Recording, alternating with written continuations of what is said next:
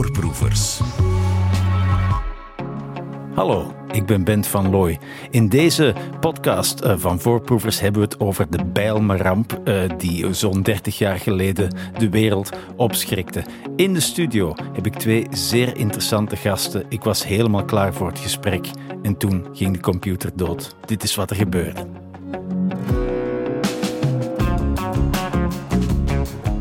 Voorproevers. Goedenavond, even geduld. Er is een, uh, iets vreemds in het systeem. Hoor je alles? Hmm. Het is voor Radio 1, het is voorproevers. Even kijken. Er wordt geschoven met schuiven met computers. Misschien moeten we gewoon met de inhoud beginnen. Wat is dat nu? Al die jingles, al die muziek. Waar gaat het over? Uh, we, hebben het vanavond uh, met uh, jullie twee over. hoor je me? Nee. Oké. Ah, ik ben, ik ben wel op antenne. Oké, spannend. Alright, oké. Okay, nee, ik ben zo blij dat ik wel gasten heb in de studio. Twee gasten zelfs vanavond. Ze komen uit Amsterdam. Ze zijn helemaal op de step vanuit het centrum uh, naar de VRT gestept. Uh, we gaan het hebben over een podcast uh, die jullie hebben gemaakt. Meerte Klaus en Geesje Oostland, welkom in ja, de studio.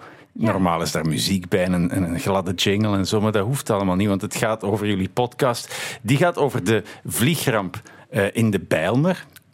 Op een lauw, warme zo, uh, nazomeravond gebeurde uh, in de Bijlmermeer, een buitenbuurt van Amsterdam, is dat het ondenkbare. Een Boeing 747 vrachtvliegtuig van de Israëlische luchtmaatschappij El Al crashte midden in een flatgebouw waar kinderen naar Sesamstraat zaten te kijken en mensen aan de afwas stonden of een biertje dronken op het terras. Het was half acht ongeveer en de hel brak los in de Bijlmer.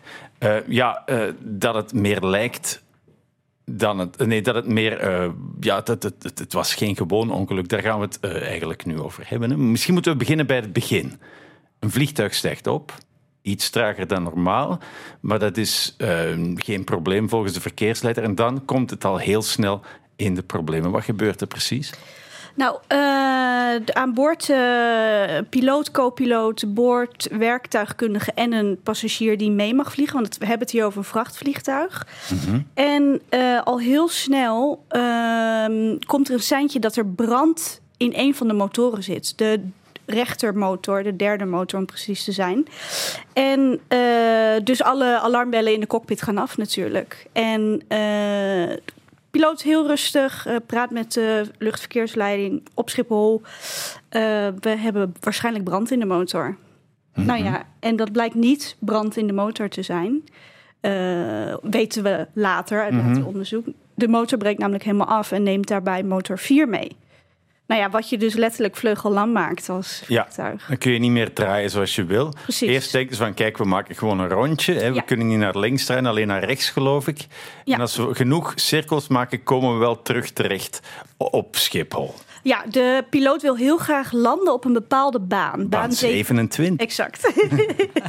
en uh, daarbij moet hij een grote ronde maken over Amsterdam centrum. Mm-hmm. Ja, en dat is natuurlijk met een vliegtuig wat vleugellam is en later ook nog onbestuurbaar wordt, best wel gevaarlijk. Ja, dat is een waanzinnige beslissing. Precies, ja. ja. Boven die historische binnenstad met een vliegende bom, zeg maar. Ja, ja, ja. En dan lukt dat rondje ook nog eens niet goed, dus besluit hij een tweede ronde te maken. Ja, en dan uh, wat er vervolgens gebeurt, dat uh, weten we dat allemaal. Dat weten we, ja. ja. ja. Uh, waarom wilde hij terug naar die landingsbaan? Ja, dat is natuurlijk een hele goede vraag. En dat is denk ik uh, iets wat we nooit precies zullen weten. Omdat je, dat is een keuze die de piloot gemaakt heeft. Wat we wel gehoord hebben van verschillende, mm-hmm. of heel veel mensen die we hebben gesproken, is dat uh, het is een, was een vrachtvliegtuig van El Al, Israëlische maatschappij. Iets wat dus een, een maatschappij die gevoeliger is voor terrorisme. Dus ze, hun afspraak was een beetje: wij proberen altijd het onvoorspelbare te doen. Dus als de luchtverkeersleiding zegt: we willen dat jullie landen op baan 3, ja. doen zij dat niet. Dus dat zou, ja, maar goed, het blijft een beetje speculeren wat er in het hoofd is omgegaan. Er wordt gezegd dat er een hoofdkwartier van de Mossad aan de rand van baan 27 stond, hè?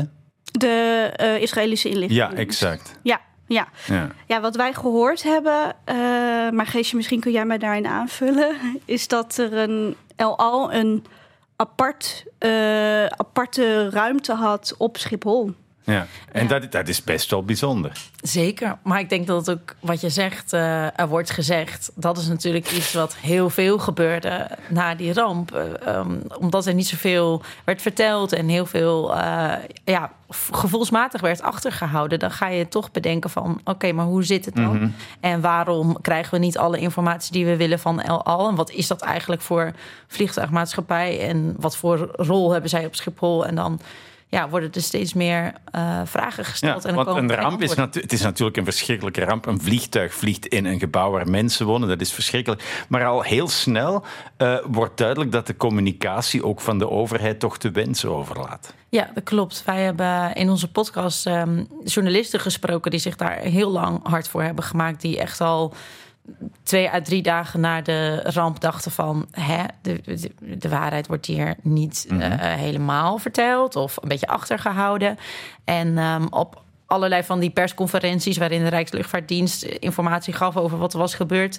eh, ja, luchtvaartjournalisten die echt wel weten hoe dingen werken... die, die zien steeds vaker van, nou, dit is gewoon een krom verhaal. Ja, bijvoorbeeld niet. de minister zei van de piloot heeft een keurig cirkeltje gedraaid en heeft alles gedaan wat hij kon doen. Terwijl even later duikt er een radarkaartje op waar- waar een hele andere route op Ja, staat. Ja, Ja. dat was natuurlijk ook wel heel opmerkelijk dat inderdaad minister Maaiwegge al een dag na het ongeluk zei: de piloot heeft alles goed gedaan. En dat kun je natuurlijk niet na een dag al zeggen. Dat moet eerst onderzocht worden. Dus dat was wel ook voor de, vooral voor de journalist, eh, luchtvaartjournalist Vincent Dekker, die wij uitgebreid gesproken hebben. Ja. Het eerste belletje van, maar hoe kun je zo snel dit nu al zeggen? Ja, dat is een bijzondere figuur in, in de podcast, Zeker. maar ook in, in, de, in de documentaire. Iemand ja, die zijn leven eigenlijk eh, in het teken van die ramp heeft gesteld. Hè? Ja, ja, dat was wel heel opmerkelijk. Wij zijn meerdere keren bij hem thuis geweest. Eh, en zijn vrouw Marijke, die eh, vanaf het begin af aan, toen deze ramp begon, toen waren zij nog in de verliefde fase. En eh, die heeft echt met hier ook mee moeten leven. Dat hij inderdaad zijn leven wijde aan de Belma-ramp eigenlijk. Ja. Ja. Nu, waarom die geheimzinnigheid? Hè, dat, vraagt hij zich af. Hoe, hoe kan het dat dit ja, zonder enige aanleiding in het begin, zou je denken, al zo'n doofpotoperatie wordt? Ja, je kan. eh, ik denk dat dat al vrij snel, als je weet dat het vliegtuig uit Israël komt en wat er in dat vliegtuig zat, een vrachtvliegtuig. ehm, gestopt in Amsterdam, komt uit New York, uit Amerika. Eh, Ja, je moet zeker in dat tijd speelt. Ja, is het niet gek dat je allerlei dingen gaat bedenken van wat zat er dan in dat vliegtuig? Want Eh, Ja. ja. Israël en Nederland waren toen echt twee handen op één Ja. buik ook. Hè? Moeten, we, moeten we erbij zeggen. Ja, Ja. dat is heel belangrijk om erbij te vermelden. Ja. Dit, eh, en, en Israël en Amerika ook wel. Ja, Dus ehm, daar, ja, je gaat. Ik, Vincent zei toen ook tegen ons, en meerdere mensen in onze podcast zeiden tegen ons: van je denkt al snel, daar hebben wapens in dat vliegtuig gezeten. Of in ieder geval iets geheims. iets geheims wat wij niet mogen weten. Ja, ja. Dat is op zich wel logisch om, dat, om, om die conclusie te trekken, maar wel heel gevaarlijk. Zeker als je een journalist bent, want dat moet je kunnen bewijzen. Ja. Als een, als een vliegtuig neerstort, wordt er natuurlijk eerst, dat weten we allemaal, gezocht naar de zwarte doos. Hè. Dat, is, dat is, waar ligt die? En hier waren er twee zwarte dozen, geloof ik. Ja, dat is in een vlag, eh, vrachtvliegtuig altijd. Zitten er twee in één. Zeg maar, de zwarte doos is gewoon de box waar het in zit. En daar heb je dan de eh, cockpit voice recorder. En hoe heet die andere ook geweest? Flight data. Ja, eh, Ja, ja, die flight data recorder is gewonnen, Ja. gevonden. Daar staat op hoe heeft het vliegtuig gevlogen. we- gewoon alle gegevens daarvan. Maar die cockpit voice recorder, die dus samen in één kist zitten... die is nooit gevonden. Ah, die zitten samen in één grote doos. Dat Ja. wist ik niet. Oké. Ja. dat is wel raar. Dat Als er dan heel één... Ja, dat Ja. wordt steeds raarder natuurlijk. Maar goed, die, die cockpit voice recorder, die neemt alles op wat er in de cockpit gezegd wordt. Hè? Ja. Dus niet alleen wat er tegen de verkeersleiding gezegd wordt, maar gewoon echt het hele ding. Alles staat de hele tijd open, ja. En als, we, als die wel gevonden zou worden, ooit, ja... Ja, en dat is ook wel interessant, want het gesprek met de, met de luchtverkeersleiding is natuurlijk wel gewoon openbaar gemaakt. En daarin hoor je ook hele lange stiltes. Logisch, want zij praten met elkaar over wat gaan we doen, Ja. maar waar nog meer over? Dat, Dat hadden we natuurlijk allemaal graag gehoord. Hè? Ja. Uh, nu, ja, dat is iets als, waar, waar, je als bergingsteam onmiddellijk op zoek naar zou gaan. En, en is ook een van de grootste ramp. Uh, een van de grootste raadsels van de ramp. Ja. Uh, ja. Wat wordt er gezegd? Waarom mogen wij dat niet weten? We gaan er zo meteen achter proberen te komen met Meerte en Geesje. Maar eerst gaan we even op zoek naar wat die Bijlmer is en wat voor buurt is. Dat zometeen na Andy Schauf en Wasted on You rampvlucht. Uh, dat klinkt ongeveer zo. Is gebeurd. Ja. Cal 186 to your heading. Geplastic. Heb je hem gezien? Eén grote rookbol boven de stad. Jezus. Rond kwart voor zeven vanavond is een vrachttoestel, Boeing 747F van El Al, neergestort in de Bijlmermeer in Amsterdam. Ik dook onder de tafel. Volgens mij doken we alle vier onder de tafel. Uh, vanaf beneden tot boven staan uh, huizen in de brand. En je voelde die flat schudden. Er zit hier ook allemaal troep in de lucht. En uh, we merken het ook al met ademhaling. Ja, dat was hoe het er die avond aan toe ging. Die paniek, die drukte, de chaos. een vliegtuig stort neer op een, een buitenwijk van Amsterdam, de Bijlmer. Een buurt die altijd al tot de verbeelding sprak, daar wil ik het even over hebben. De Bijlmer werd eigenlijk gebouwd. Ik denk, uh, wat is dat, jaren 60, jaren 70? Jaren 70. Jaren 70, voor hoogopgeleide, rijke Amsterdammers, waarvan dan verwacht werd dat zij hun huis in de stad zouden opgeven om daar buiten in een nieuwbouw te gaan wonen en daar ook nog extra voor zouden gaan betalen. Ja, dat is extra mooi. exact hoe het is. En waar dus ook nog eens geen voorzieningen waren. Ja, dus als je het zo opnoemt, zou je je wel kunnen voorstellen dat dat, dat niet echt is gelukt. Dat, uh, dat plan is, is mislukt eigenlijk. Ja, het was niet heel aantrekkelijk voor. Ja, het waren wel prachtige gebouwen eigenlijk. Ik heb er eens rondgelopen. Het is best mooie architectuur. Ja, en het was ook mooi bedacht, want je had al die balkons en die keken dan uit op, uh, ja, op al dat groen. En was, was volgens mij ook het idee dat er juist heel veel groen zou zijn en, en dat je je om, zou omgeven met bomen en grassen. Maar wij spraken Karen uh, voor onze podcast, mm -hmm. die daar woonde, die daar is gaan wonen. En die zei ja, dat, het, het, was gewoon in de praktijk niet zo. Het was ook niet zo groen en uh, er was geen we konden er niet heen, want de tram of de metro die ging er nog niet heen. Dus je was ook een soort van afgesloten. En ja, eigenlijk alles wat was gezegd, dat viel best wel tegen. Mm -hmm. uh, nu, dat was, dat was in het begin. Jullie hebben daar een tijdje rondgehangen voor de podcast. Ja. Hoe is die wijk nu? Ja, het is een hele multiculturele wijk. Uh, waar uh, vooral toch wel heel veel buitenlandse mensen wonen. Het is echt een, zou ik wel durven zeggen, gesloten gemeenschap. We zijn er een paar keer geweest. En wij waren echt wel buitenstaanders. Ja, en tegelijkertijd ook een heel anders dan toen in de jaren negentig, denk ik. Want uh, wij hadden het er nog over dat je vroeger stond de Bijlmer wel een beetje bekend als de ghetto. Toen wij jong waren, van ja. je wist en wij kwamen uit Groningen, een stad in het noorden van Oeh, Nederland. Ja, ja, ja. ja, dus en dat wij dat wisten, dat is natuurlijk dat zegt wel iets.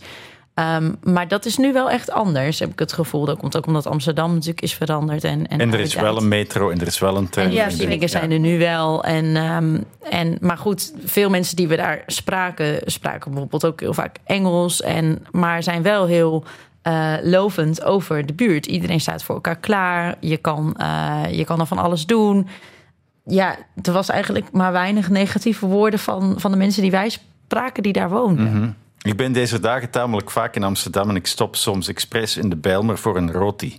Dat is een Surinaamse ja, specialiteit. Ja, dat ja, ik, ja. Ja, en, en dat is niet toevallig, want in de jaren 70 en ook op het moment waar we het over hebben, over de Bijlmerramp, woonden er heel veel Surinaamse mensen in, in, in de woontorens. Hè? Ja, ja, ja, de Surinaamse onafhankelijk, onafhankelijkheid. Dus met bussen kwamen ze letterlijk naar de Bijlmer. Omdat ja, moesten ergens wonen en er was in de Bijlmer wel heel veel plek. Mm -hmm. um, maar goed, niet alleen maar Surinamers natuurlijk. Toch ook wel heel veel Nederlanders. Ghanese. Ghanese. Grote Ghanese. Ja, ja. ja.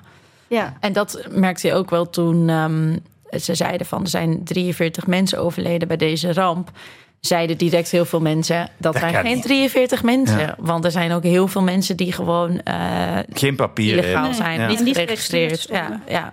Ja, want eh, aanvankelijk werd het dodental, eh, of het aantal vermisten, werd geschat op 1500. Dan is zo'n dodental van 43 wel heel raar. Ja, daar krijg je bijna een beetje kippenvel van, Ja. denk ik dan. Want dat Ja. is gewoon niet, dat kan niet. Ja. Ehm, nu, denken jullie dat eh, mocht het vliegtuig op Oud-Zuid zijn neergestort, een, een, een andere buurt in Amsterdam, ehm, wat trouwens niet onmogelijk was geweest met het vliegtuig, eh, dat er een tijdje boven cirkelde, dat de overheid dan anders had gereageerd? Oeh, ik vind dat wel een moeilijke vraag om te beantwoorden. Ehm, ik denk wel dat de gemeenschap in de Bijlmer dat zo heeft gevoeld. En als we ook kijken naar hoe serieus bijvoorbeeld de gezondheidsklachten zijn genomen eh, van alle bewoners in de, in de wijk, eh, dan kan ik mij voorstellen dat er heel anders met deze ramp omgaat. Mhm. Dat er wel geluisterd zou worden, laat ik het zo zeggen. En eh, er kwam ook al vrij snel na de ramp een soort van schikking dat mensen naar opleidingsniveau geld konden krijgen, omdat ze arbeidsongeschikt werden verklaard. Ja, daar zijn natuurlijk wel een beetje schimmige dingen gebeurd. ehm, die als het een welvarende wijk was geweest, denk ik niet Ja. hadden gekund. Ja. Mensen hebben daar ook wel echt de indruk van wij zijn aan ons lot overlaten. Over Ja, absoluut. Tot op de dag van vandaag. We hebben heel veel mensen gesproken. eh, die zelfs nu nog in de Bijlmer wonen. Die dat, dat gevoel nog steeds hebben. En Hm. zeker is er nu veel meer aandacht voor de ramp. Die wel 30 jaar geleden is gebeurd natuurlijk. Ehm, maar dat gevoel hebben ze vooral wat betreft die gezondheidsklachten heel erg gehad. Daar gaan we het straks nog heel even over hebben. Eerst, ik heb, ik heb ineens mijn computer weer Oh, aangekregen. is ja, de radio werkt, denk ik weer. En ik heb een heel leuk eh, eh, stukje uit jullie podcast gehaald. Een soort publiciteitsspotje voor eh, de Bijlmer. Even luisteren. Bijlmermeer. Eens onderwerp van felle discussies tussen regering en Amsterdamse stadsbestuurders. Nu een woonoord waarvan de bouw snel vordert. De grote promotor van het plan Bijlmermeer, oud-burgemeester Van Hal, was vanzelfsprekend aanwezig toen de eerste bewoners met enig feestelijk vertoon uit handen van Amsterdams wethouder Elsenburg de sleutel voor hun nieuwe woning ontvingen. Iets minder in de publiciteit, maar voor hen zelf zeker niet minder feestelijk, zullen straks ook de overige bewoners hier een flat betrekken en dan veelal woonruimte in Amsterdam achterlaten waar men minder huur betaalde dan men in de Bijlmermeer zal moeten opbrengen. Deze bereidheid bevordert de door de gemeente beoogde doorstroming. De belangstelling voor het wonen in de Bijlmer is bijzonder groot. Over enkele jaren zal hier woon- en leefruimte gecreëerd zijn voor 100.000 mensen. Ja, zo klonk dat. Ja, met zo'n muziekje eronder klinkt het wel aantrekkelijk ook. Hè? Ja, maar het is, iets, het is eh, net iets anders gelopen. Ja. Ja,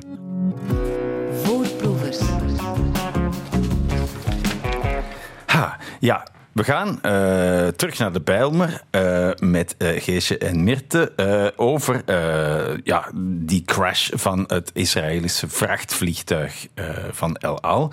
Dus oké, het is net gebeurd. Het gebouw staat in lichterlaaie. Sterker nog, er is een enorm gat geslagen in een flatgebouw. Kunnen jullie dat proberen beschrijven? Ja, de flat heeft eigenlijk een hele mooie vorm. Een soort van, ja, hoe zou ik dat zeggen? Een halve driehoek. En precies in het midden eh, is het eh, vliegtuig gecrashed. En eh, dus wat je ziet is eigenlijk... lijkt het alsof er twee flats ineens naast elkaar staan. Wat ooit één flat was. Eh, met eh, voor een mooi groen grasveld. wat één grote rampplek is. Ja. Overal branden en overal brokstukken. Ja, en wat lastig was, omdat die, eh, die architectuur zo mooi was en leuk bedacht, was het wel heel erg moeilijk voor hulpdiensten om daar goed bij te komen. En ehm, dat, dat merkten ze ook, dat het best wel lang duurde voordat, er, eh, voordat ze ook begrepen hoe groot deze ramp was, wat er aan de hand was. Eh, mensen die wij spraken, die zeiden van ja, we stonden daarnaar te kijken en er was nog niemand. En we hoorden gegil, we, mensen, we zagen dat mensen uit het raam sprongen, van het balkon afsprongen en aan het roepen waren naar... ehm, naar ja, ook de namen van hun kinderen. Eh, ja, vreselijke verhalen hebben we gehoord. Mhm. Ja, we horen echt, echt ooggetuigen in jullie podcast ook, hè, die, die het daarover hebben van... Het was de stilte na de storm, terwijl het natuurlijk toch... Ja, je hebt dat geschreeuw, je, je hebt het geloei van het vuur. Maar voor de rest zijn er nog geen hulpdiensten. Die komen dan wel vrij snel opdagen, eh, gaan aan de slag... eh, zijn bezig tot een uur of twaalf, denk ik, s'nachts. Dan gaan ze weg en dan gebeurt er ineens iets... Eh, de politie is weg, hulpdiensten zijn weg. En dan komen er ineens, volgens sommige mensen, Mannen in witte pakken. Mannen in witte pakken. Ja, ja, Ja. ja. Ja, dat blijft toch wel... eh, Het grote mysterie. Ja, ja de want mannen in witte Oké, wat wordt er gezegd? veel mensen zeggen dat er zijn, waren daar mannen in witte pakken die waren op zoek naar iets. Er zijn mensen die zeggen, maar heel veel hulpdiensten hadden ook witte pakken aan. Ja, en dat is ook echt op foto's te zien. Je ziet heel veel verschillende hulpdiensten met verschillende soorten witte pakken. Ja, maar daar hebben we het niet over. We hebben het over mannen in beschermende witte pakken. Die Ja. over het puin lopen, op zoek En gaan iets- naar... Ja, iets weghalen. Ja. Dat is wat wij gehoord hebben Ja. van meerdere mensen. Ooggetuigen die dat ook zeggen. En dan heel snel weer in hun eh, Busje. busje springen Ja. en Ja. wegracen. Ja. Ja. En dat is iets wat natuurlijk... eh, eh, ja, ja, waar, waar, waar zouden ze naar op zoek zijn geweest? Ja, Ja. ja, als we ervan uitgaan dat ze daar geweest zijn, want dat is natuurlijk echt nog steeds de vraag. Eh, het was een randplek, er gebeurde heel veel. Dit zijn natuurlijk getuigenissen van een paar dagen later. Ja, ik weet soms niet meer wat ik een paar dagen ervoor heb gegeten, zeg maar. Dus ja, ehm, zou het natuurlijk de cockpit voice recorder kunnen zijn. Het zou iets kunnen zijn wat in het vliegtuig eh, heeft gezeten. Maar goed, dit blijft natuurlijk heel gevaarlijk speculeren. Ja, want wat er in dat vliegtuig zat, weten we niet. Hè. De, de, de, de, de vrachtbrief, nog één van de dingen waar je eh, na een crash onmiddellijk eh, naar op zoek gaat, of, of die je boven haalt, eh, die is net als die cockpit voice recorder spoorloos verdwenen. Of wordt niet getoond. Nee, een deel van de vracht is wel bekendgemaakt en een deel niet. En ehm, daar, wordt, daar is heel lang heel geheimzinnig over gedaan. Tot ze bij de parlementaire enquête echt die vrachtbrief moesten op, oproepen. Van ze moesten naar eh, New York, York, zijn ze volgens ja. mij ook gevlogen. Ja. We willen er nu echt inzien. Wat natuurlijk eigenlijk merkwaardig is, want eh, dat was al 1998. Zes jaar later. Dat is zes jaar later. Waarom is die brief überhaupt nog niet boven tafel? En waarom weten we dat überhaupt nog niet? En waar het meer om gaat, is dat eh, uiteindelijk zijn namelijk de vrachtbrieven boven water gekomen. Alleen wat staat er niet op de vrachtbrieven? En ook als je kijkt naar de samenstelling van de vrachtbrief. Ik ben geen chemicus, dus ik kan het niet reproduceren. Maar er zitten veel verschillende onderdelen in dat vliegtuig, wat samen tot iets gevaarlijks zou kunnen leiden. Ja, dat eh, tot, tot, tot saringas wordt gezegd. ja, Hè? ja, dat is inderdaad. Een gifgas dat Ja. in oorlogen gebruikt Ja. wordt. Ja. Eh, nu goed, als ze dat al toegeven, van oké, ja, er zat misschien een beetje saringas in, maar de rest gaan we niet verklappen, dan stel ik mij daar nog iets veel ergers bij voor. Exact dat. Dan Ja. maak je je daar heel erg zorgen over. Ja. En zo ook de mensen die daar wonen en ook zo lang zich daar zorgen over moeten maken. En nooit te horen krijgen, weet je, we gaan dat tot op de bodem uitzoeken voor jou. Omdat, omdat je ziek bent of het gewoon onzeker bent over wat daarin heeft gezeten. Ja, ik geloof dat er ook een, een, een, officiële regeringsmedewerker van Defensie in Israël zei die van wij zullen het nooit vrijgeven wat erin zat. Nee, maar als je er ook over nadenkt, wat voor gevolgen het heeft. Als je vertelt Ja. wat daarin zit, Ja. hoe dat gaat. Als je, daar, als je je gedachten even vrij laat spelen, als zij dat wel allemaal moeten zeggen, wat, wat voor gevolgen heeft dat? Ja, dat, dat is enorm. Hè? Onoverzichtelijk, Ja, denk ik. ja. Wat ze wel gevonden hebben, was eh, verarmd uranium. Eh, dat Ja. klinkt heel alarmerend, maar dat wordt naar het schijnt vaker als ballast gebruikt in vliegtuigen, omdat het zo zwaar is zo'n zwaar soortelijk gewicht heeft. Nu, ik zou ook niet willen dat dat op mijn dak valt. Nee, en daar is het natuurlijk eigenlijk al wel misgegaan. Want eh, dat verarmd uranium werd gebruikt als contragewicht in het vliegtuig. En dat, dat was gewoon bekend. Ehm, dus op het moment dat je dat weet, zou je natuurlijk eigenlijk al de rampplek moeten afzetten, iedereen evacueren en dan eens even kijken, oké, wat gaan we hiermee doen?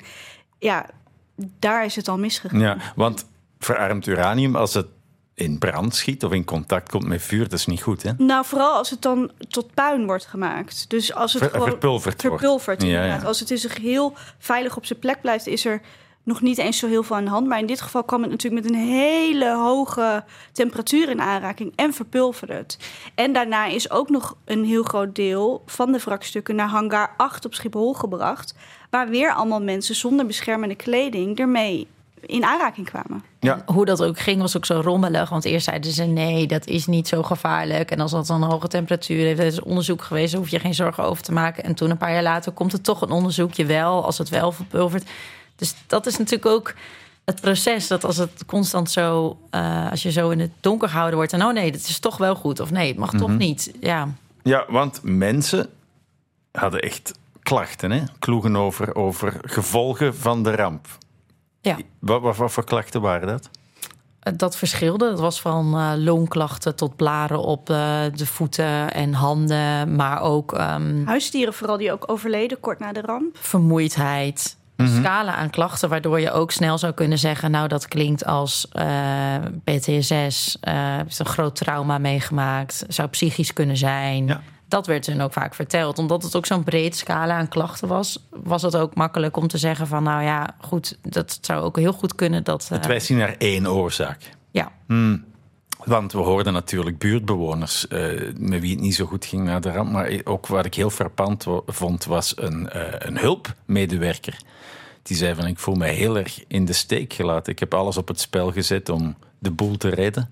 ja. Ja, dat fragment, dat raakte ons ook heel erg. Van in de parlementaire enquête bedoel Ja, je dat, eh, dat hij daar ook zo emotioneel van werd. Van ik sta daar, ik doe mijn uiterste best. En dan vraag ik daarna van doe onderzoek. En dan, dan is het stil. ja.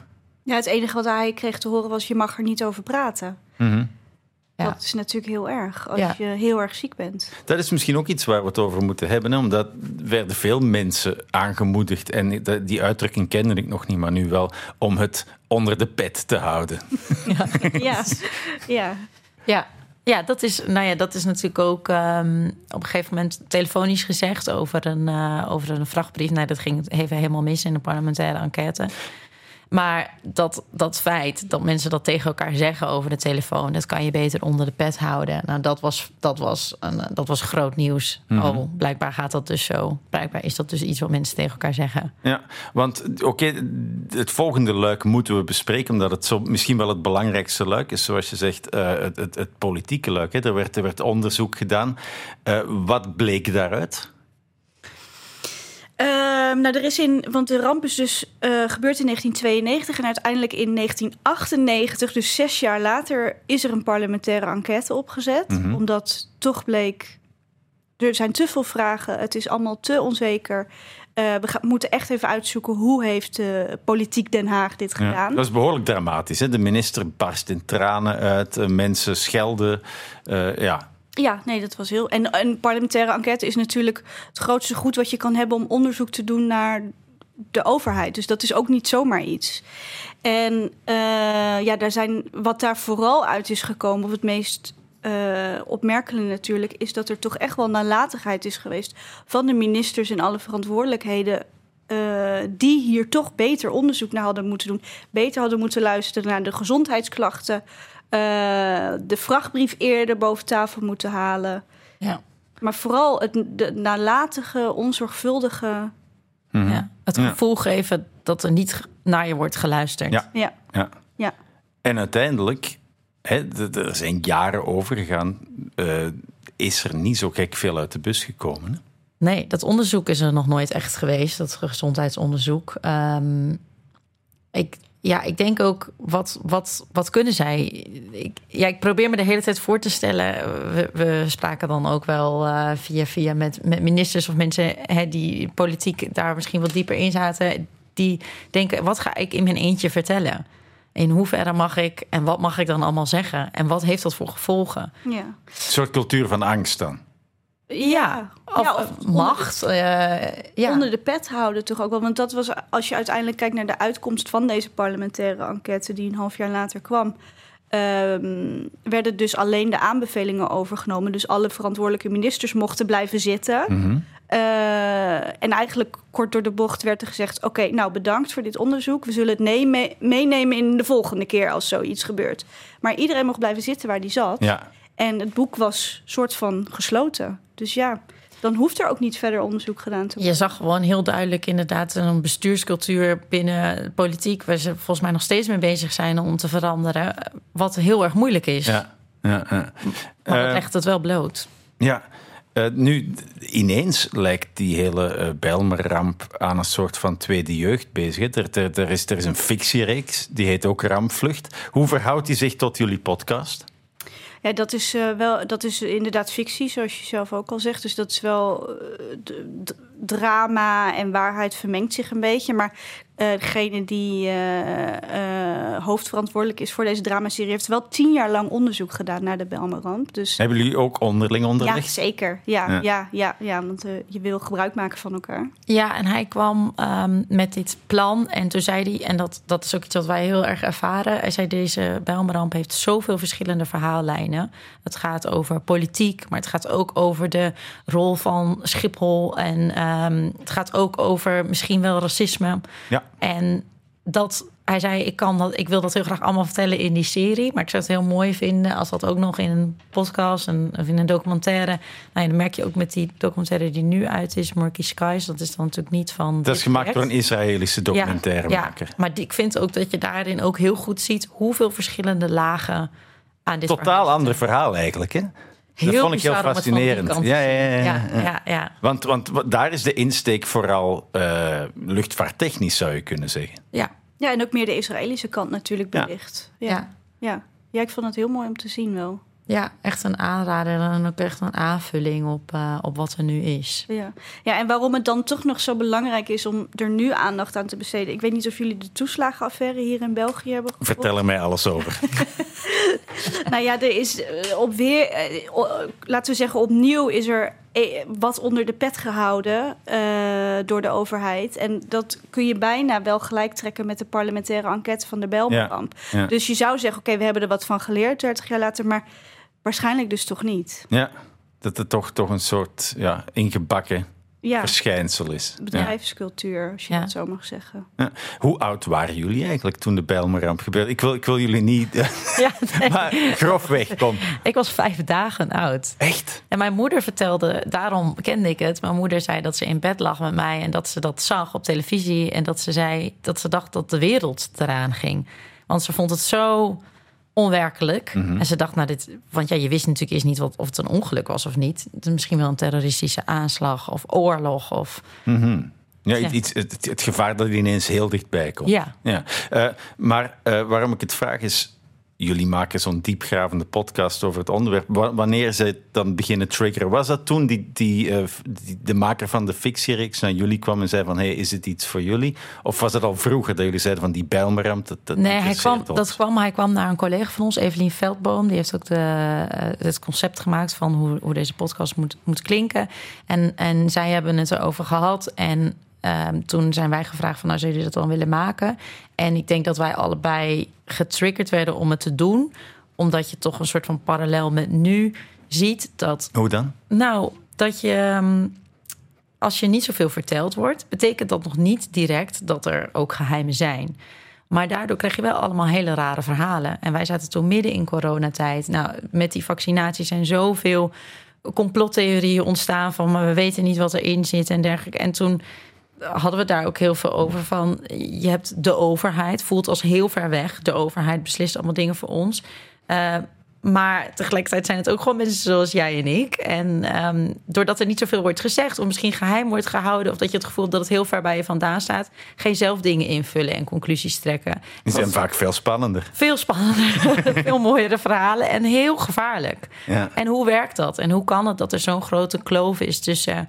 En toen. had- Overheid en burger. ja, en toen dachten we dat is eigenlijk dat was daar ook al zo. Dat was toen ook al zo. Die kloof was toen ook al zo groot. En wat kan je daaraan doen? En ja, we dachten dan zou het misschien mooi zijn als de mensen van onze generatie of leeftijd zouden kunnen laten zien van kijk, eh, zo gaat dat dan allemaal. Ja. En dat is misschien niet eens heel veel onwelwillendheid. Of wel, maar hou een open vizier en blijf jezelf. Ja, en door andere voorbeelden uit de geschiedenis te laten zien... misschien ook relativeren van het is iets van alle tijden. Ja, misschien ook wel, ja. Ja. Ja, Voorproevers. Ja, we hadden het natuurlijk over een ramp van jaren en jaren en jaren geleden. Maar ik kan me voorstellen dat dat ja, nog steeds een weerklank heeft in zo'n gemeenschap, in zo'n buurt. Hebben jullie mensen gesproken? Ja, uiteraard. Maar bij, bij wie dat toch nog nazindert? Ja, sterker nog, het was heel moeilijk om eh, bewoners of oud-bewoners in onze podcast te krijgen. Want eh, omdat het nog voor heel veel bewoners als de dag van gisteren voelt. Mhm. Eh, zelfs mensen waarvan we dan toch, waar we toch een afspraak mee maakten, op de dag zelf belden: sorry, maar sinds we jullie gesproken hebben, slaap ik weer slecht, heb ik weer huilbuien, ik, het trauma komt weer helemaal terug. Ik wil, ik kan hier niet meer over Mhm. praten. Ehm, maar ook mensen die toch gewoon positief er weer in staan. Ja, En- jij vertelde dat ook over een ontmoeting met iemand. Hè? Ja, die zit niet in de podcast. Dat is een exclusive. Wij spraken een, eh, een vrouw en ze wordt dan eh, ook wel een beetje de mama van de Belmer genoemd, stelde ze. En zij ehm, vertelde heel levendig wat er was gebeurd. En ze had vrienden verloren en eh, had dat vreselijk gevonden. Maar, en wij, wij werden meegevoerd door haar verhaal. We zaten daar op een bankje bij die boom, de boom die alles heeft gezien. En zij vertelde Ja, dat, dat ik nog even. Dat was ook Oh ja, heel mooi ja. in de podcast. Er is een boom, die wordt door de buurtbewoners de boom genoemd die alles heeft gezien. Ja, dat is een boom en die staat daar in het midden en die is blijven staan. En daar hebben ze nu een heel mooi bankje omheen en een mooi monument. En het is echt een hele mooie plek om te zijn. En, en eh, we zaten daar met haar dat op te nemen. En eh, wij waren, hadden helemaal kippenvel van haar verhaal. En zij vertelde over van, maar je moet door en eh, ik ga andere mensen helpen. En de zon moet schijnen in je leven. En die gaf zo'n positieve eh, indruk aan ons, wat heel veel andere mensen ook hadden, dat, dat wij allebei wegliepen en zeiden, wat inspirerend. Mhm. Zei, je maakt soms hele erge dingen mee. Ze zei, ik ben gevlucht en ik ben hierheen gekomen en dat was ook vreselijk. En toen gebeurde dit en toen raakte ik nog weer mensen kwijt. Maar ik probeer het altijd om te draaien en ik probeer er ook altijd te zijn voor de mensen hier in de wijk die me hulp nodig hebben. Nou, toen liepen wij een beetje sprakeloos daar weg van, zo, zo wauw, ja. Mhm. Heel mooi. Eh, ik wou nog even vragen, want die journalist die eh, nog steeds op zoek gaat naar, naar papieren in, in, in archieven en zo gaat het daar eigenlijk mee. En, en ook wou ik vragen, gaat dit jullie ooit nog loslaten? Ik denk niet dat dit ons ooit nog kan loslaten. En eh, je hebt het over Vincent Dekker. Dekker dan? Ja. Nee, die, ik durf wel voor hem te zeggen dat hij hier nog dagelijks mee bezig is. En dat hij als geen ander hoopt dat deze podcast en de dramaserie... Toch nog iets losmaakt. Exact. Ja, ik hoop het eh, met jullie mee. De eerste aflevering van dus die Israëlische kant van de zaak, eh, die heet eh, Murky Skies, staat op VRT Max en is nog te zien tot 27 februari. De andere moeten nog worden uitgezonden en online gezet worden. En jullie podcast kun je gewoon krijgen, zoals ze in podcastland zeggen, wherever you get your podcast. Heel mooi. Ja. Ja. Voorproevers.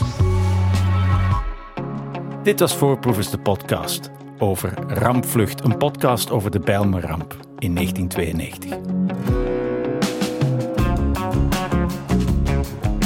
Voorproevers.